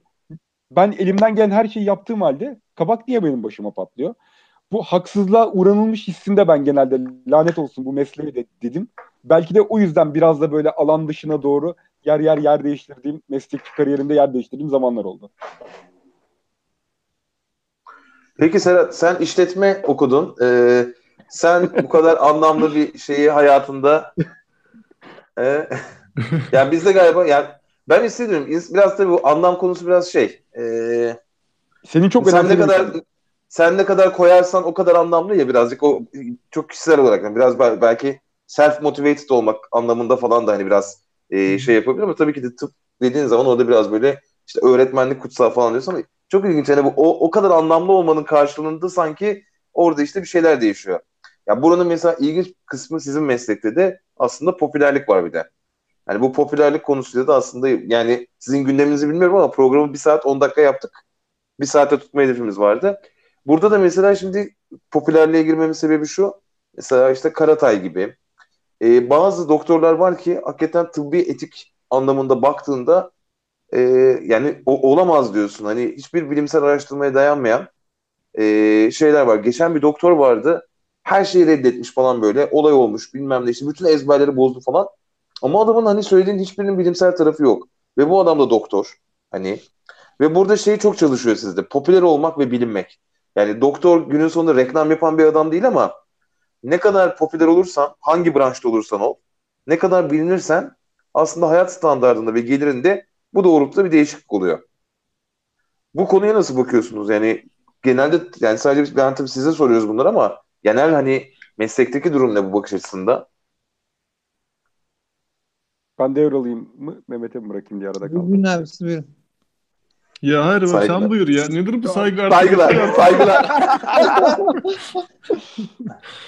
Yeter kardeşim ya isyan ediyorum. Mehmetciğim buyur sen. Erkan'ın da orada. Abi Bak hala. o zaman müsaadenizle ben söyleyeyim. Abi şimdi Burak abi aslında dokunduğun noktalar çok güzel noktalar. Çünkü şöyle insanların böyle bir an kulağına hoş geliyor ve insanlar onu o anlığına kabul etmek istiyorlar. Hani o anlığına onun dediği olsun istiyorlar ama ya bilimsel dünyada böyle bir şey yok. Sıradan bir şeyi yayınlayacağınız zaman bile insanlar şuna bakıyorlar. Bu bir defa gerekli mi? Etik mi? Geçerli mi? Güvenilir mi? Çok sıradan bir şey yayınladığınız zaman bile. Yani ama bu bahsettiğiniz popüler tabir edilen insanlar hiçbir çalışma yapmadan tamam ya- yani bu işin eğitimini almış olmalarına rağmen onlar orada bir şey üretmeden e, böyle bir söz sarf ediyorlar. Aslında yaptıkları şey çok riskli. Çünkü mesela yan, yani yanlışsa şimdi dedikleri doğru da olabilir, yanlış da olabilir. Onu kanıtlamalar gerekiyor. Yanlışsa insanların hayatlarıyla oynuyorlar. Halbuki en başta yemin ediyorlar yani biz insan sağlığını koruyacağız. E, Bunlar şartlar Allahsız kitapsız ben diyeyim sana. Ha, Yani yani şöyle ben çok özür diliyorum. Ezber bozdu doktor diye arattım Google'da. Şimdi bak ilk başlığı okuyorum. E, hepsi bunların e, şey hani tıp dünyasında ezber bozdu. Bir. iki Soner Yalçın yazmış. Bir kadın ezberi bozdu. Canan Karatay için.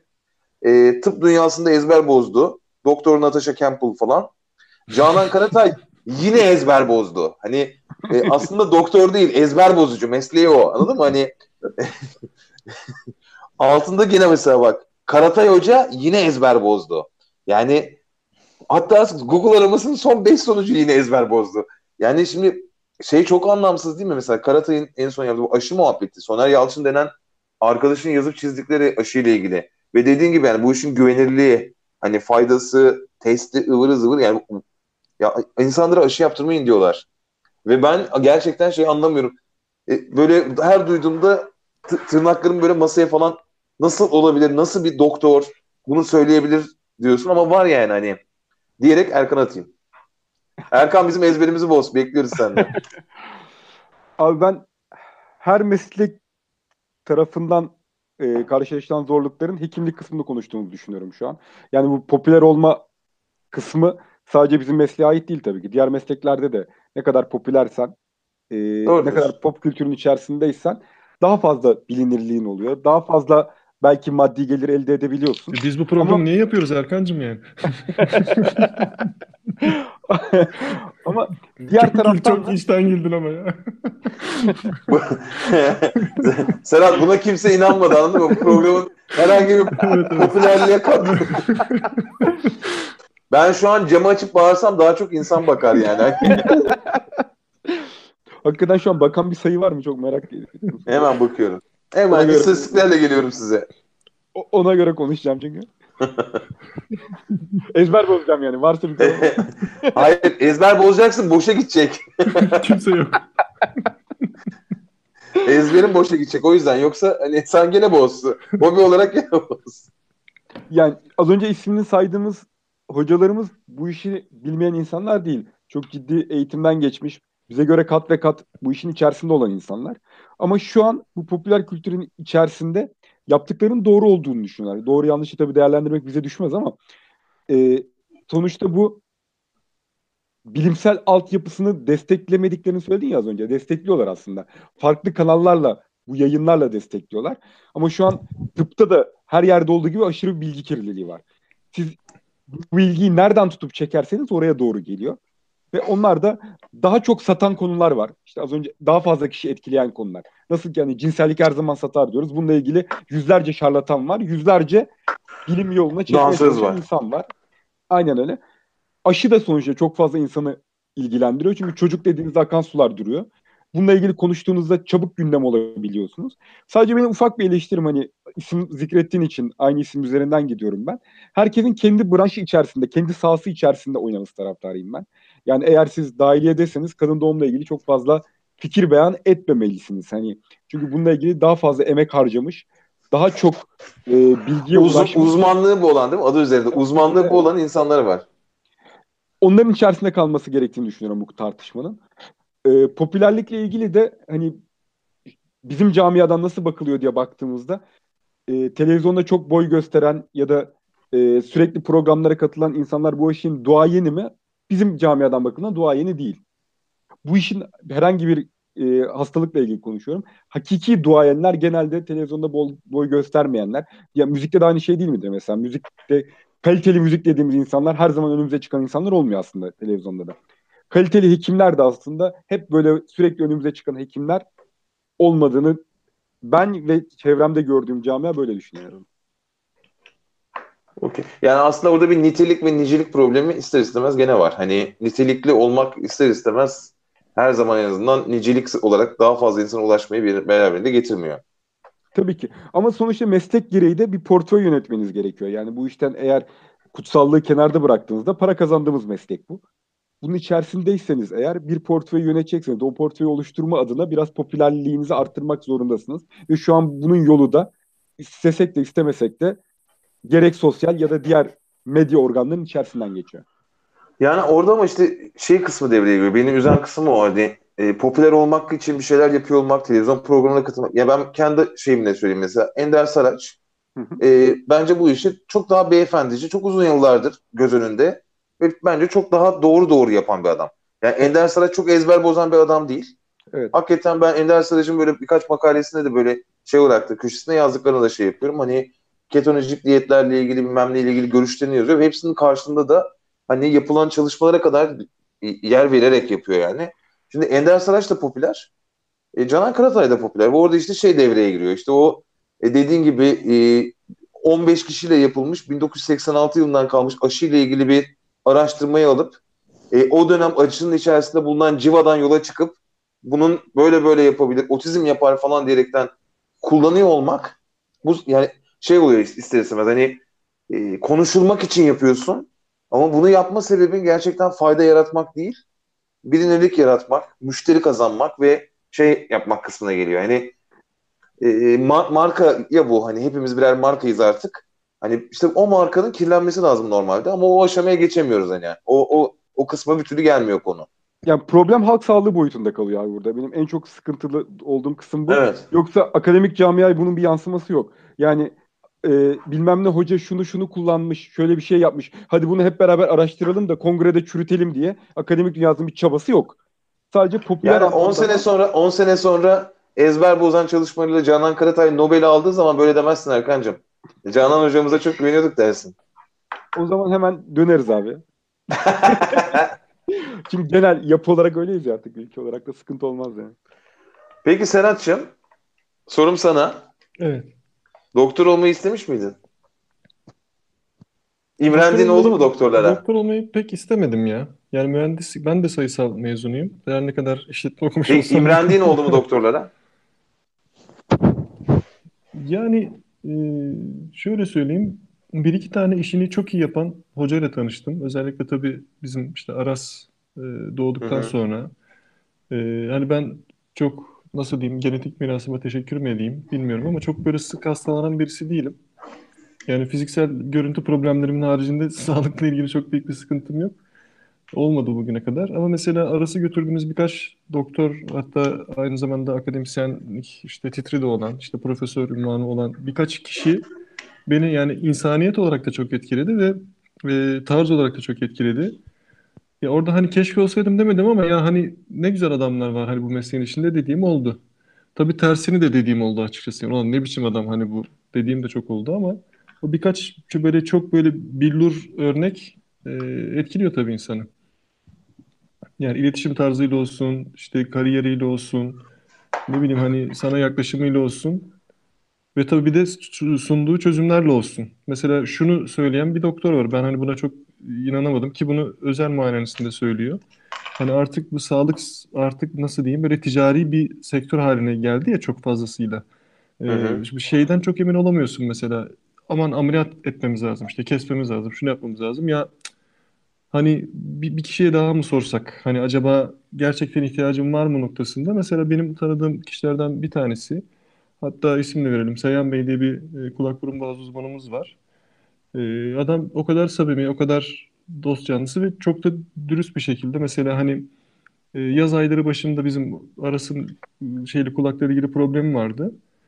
E, ben şu anda Yani normal şartlarda ameliyat edilebilecek pozisyonda ama şu anda ameliyatı önermiyorum. Çünkü işte önümüz zaten yaz. Siz şimdi denize gidersiniz. İşte tuzlu su işte bu solunum yolları ilgili rahatlatacaktır mutlaka.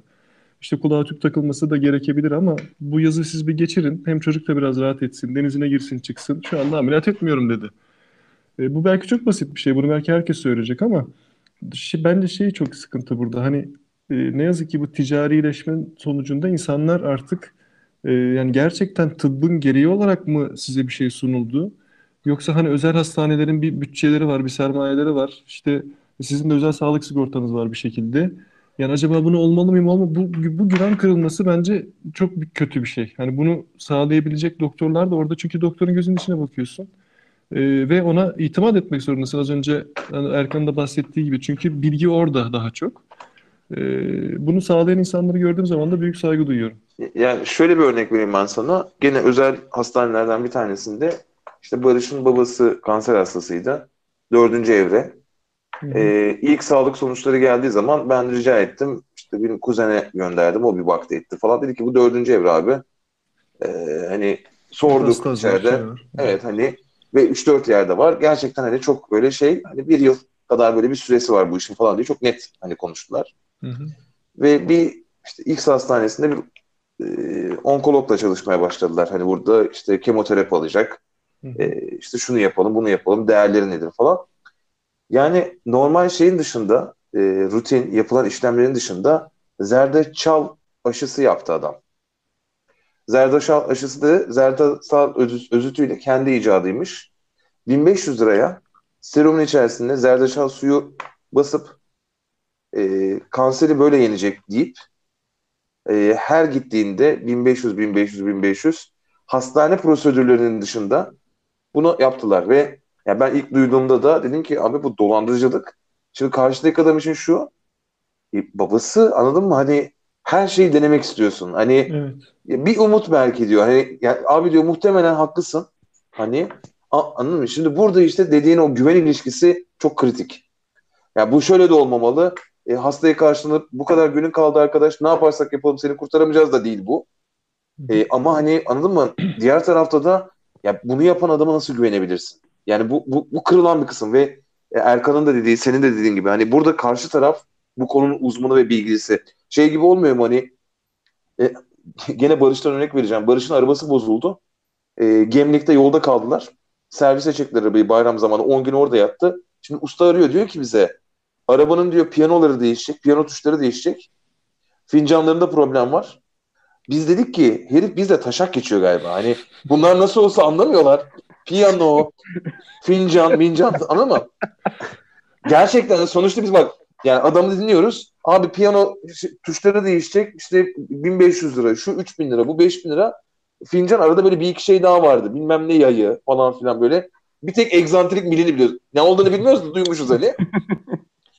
Ve doğal olarak şey diyorsun. Hani telefonu kapattığın zaman diyorsun ki bu adam yani varmış abi bu arada haberiniz olsun. Arabanın piyano tuşu da varmış. Fincanı da varmış hani. Şimdi dok- yani bu araba hani mal hani bir insan olduğunda da şimdi zaten karşındaki tabii ki de yani senden çok daha uzman. O güveni peki Erkan hani empatiden yola çıktık ya oraya bağlayıp bitirmek istiyorum. Peki biz doktora nasıl güveneceğiz? Yani bunu elbette ki bir turnusol kağıdı yok ama yani bu ilişkiyi biz hasta olarak üzerimize düşenle bunu analiz etmek için, yönetmek için. Ama önce sana sormuyorum Erkan. Vazgeçtim Mehmet'e soruyorum. Ben hazır değilim abi Erkan abi cevap versin. Sen düşün. Arkadaşa katılıyorum sen. Hadi. Hayır demin zaten önce ben konuştum. Şimdi kıvırmam lazım bir şekilde. abi. Ben hazır değilim değil Erkan? Erkan'cığım. Abi şöyle sonuçta para ilişkisini ön planda tutan bir sistem olduğu sürece güven her zaman sorgulanacak. Yani madem biz sosyal devleti, sosyal devletin içerisinde yer almamız gerekiyor. Sağlık sistemini paradan arındıramadığımız sürece, bu sektörün içerisinde kaldığımız sürece e, güvenle ilgili hep soru işaretimiz olacak. Çünkü bu işle ilgili iyiler olduğu gibi her meslekte kötüler de olacak. Bu sadece hekimliğe ait bir olay değil. Az önce verdiğin örnek arabadandı. Evet. Hekimliğin yansımasına bakıyoruz. Bunu engellemek nasıl mümkün kısmında ya da bir hasta bunu nasıl engelleyebilir kısmında. Siz mesela arabayla ilgili nasıl böyle bir şey yaptınız? Araş en son tekrar döndünüz. Evet ya fincanı varmış dediniz. Başka Google'a bir- yazdık biz Erkan. Doktorla ilgili şimdi Google'a yazacaksak sıçtık. yani ikinci bir görüş almak herhalde tıpta da. Ee, ben bir de şeye de çok inanıyorum. Ee, nasıl diyeyim? O güven ilişkisinin e, his temelli olduğunu düşünüyorum. Yani sen hastayla hekim karşılıklı konuşmaya başladıkları zaman güven arada e, bir şekilde transfer oluyor. Yani o hekime ya güveniyorsun ya güvenmiyorsun. Bu net oluyor zaten. Güvendikten sonra sorgulamak yıpratıcı. Ya da güvenmediysen devam etmek yıpratıcı. Burada hızlı bir karar vermek gerekiyor aslında. Bu ilişkiyi oturtamadıysan inşa etmek için çok da çaba sarf etmeye gerek yok diye düşünüyorum. Yani ya hekimliğini değiştireceksin ya da e, koşulsuzca güveneceksin. Çünkü bu konuda asimetri çok büyük. Sen gidip de bunu sorgulayabilecek şey Google'da çözecek kadar basit bir olay değil bu.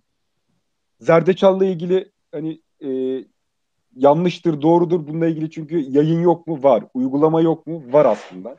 Tamamen Var. dolandırıcılık diyemiyorum ben. Evet, Zerdeçal yazınca geliyor. Ben de baktım Google'a. Evet. Var yani. Yok. Ama bu konuda işte eğer güven ilişkisi olduysa kendiniz koşulsuz teslimiyet gerektiriyor biraz. Bizim meslek öyle ya da böyle.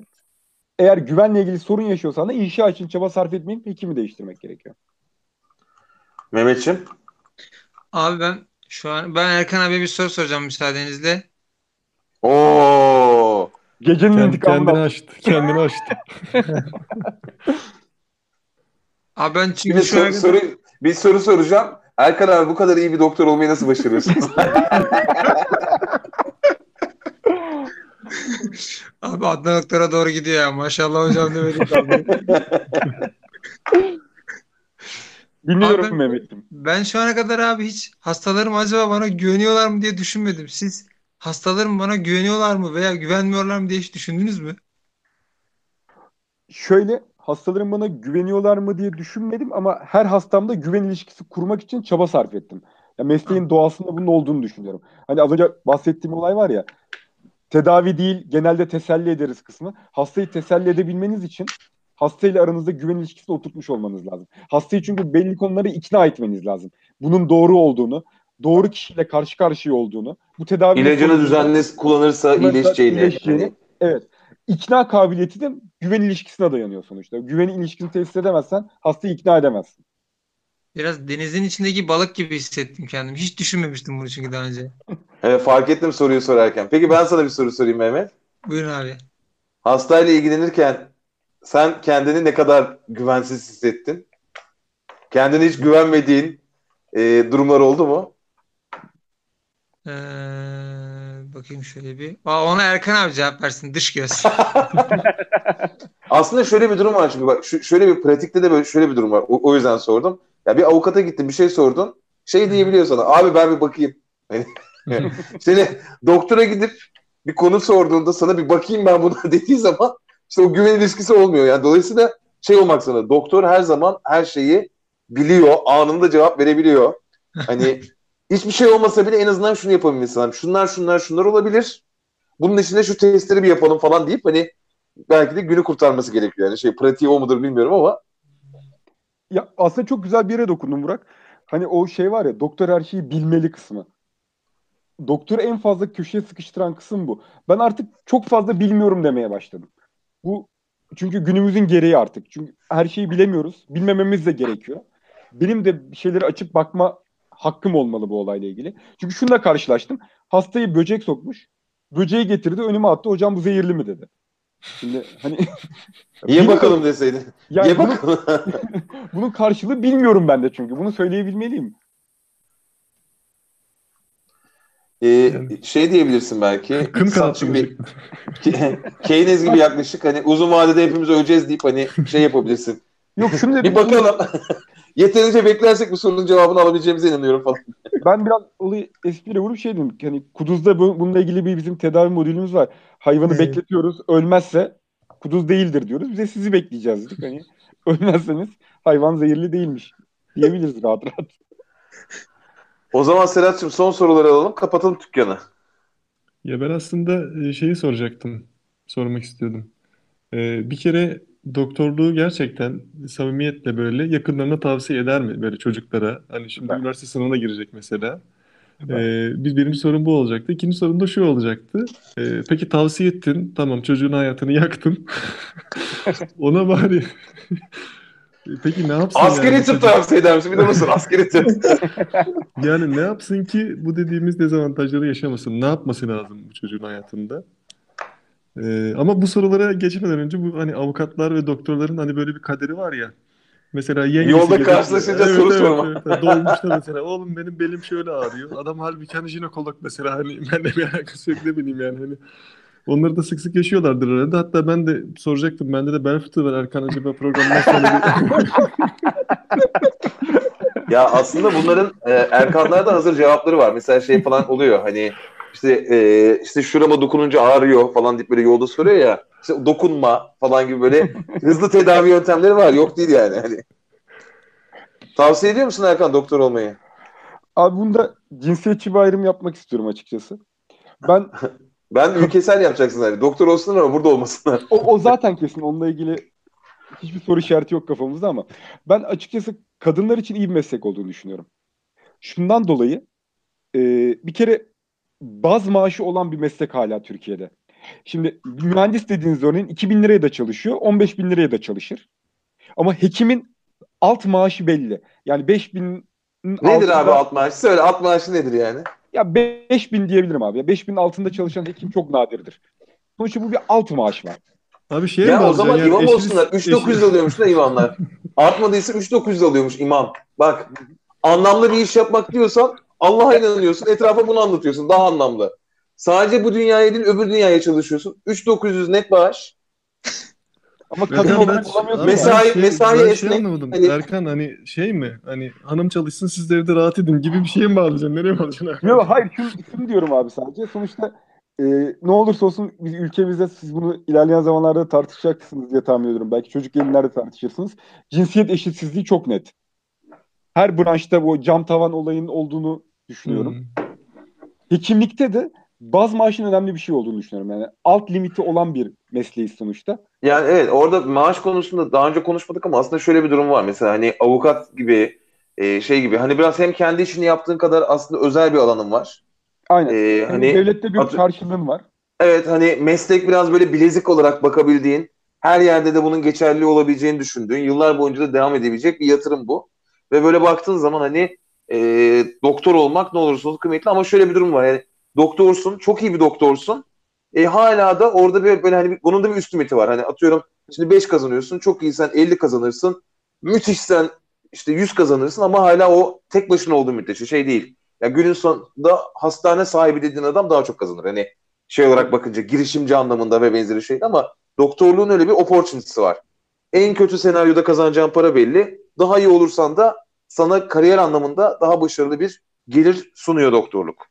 Diyebilir miyiz? Doğru mu Erkan? Bence doğru abi. O yüzden hala tavsiye edilebilir bir meslek olduğunu düşünüyorum şu an için.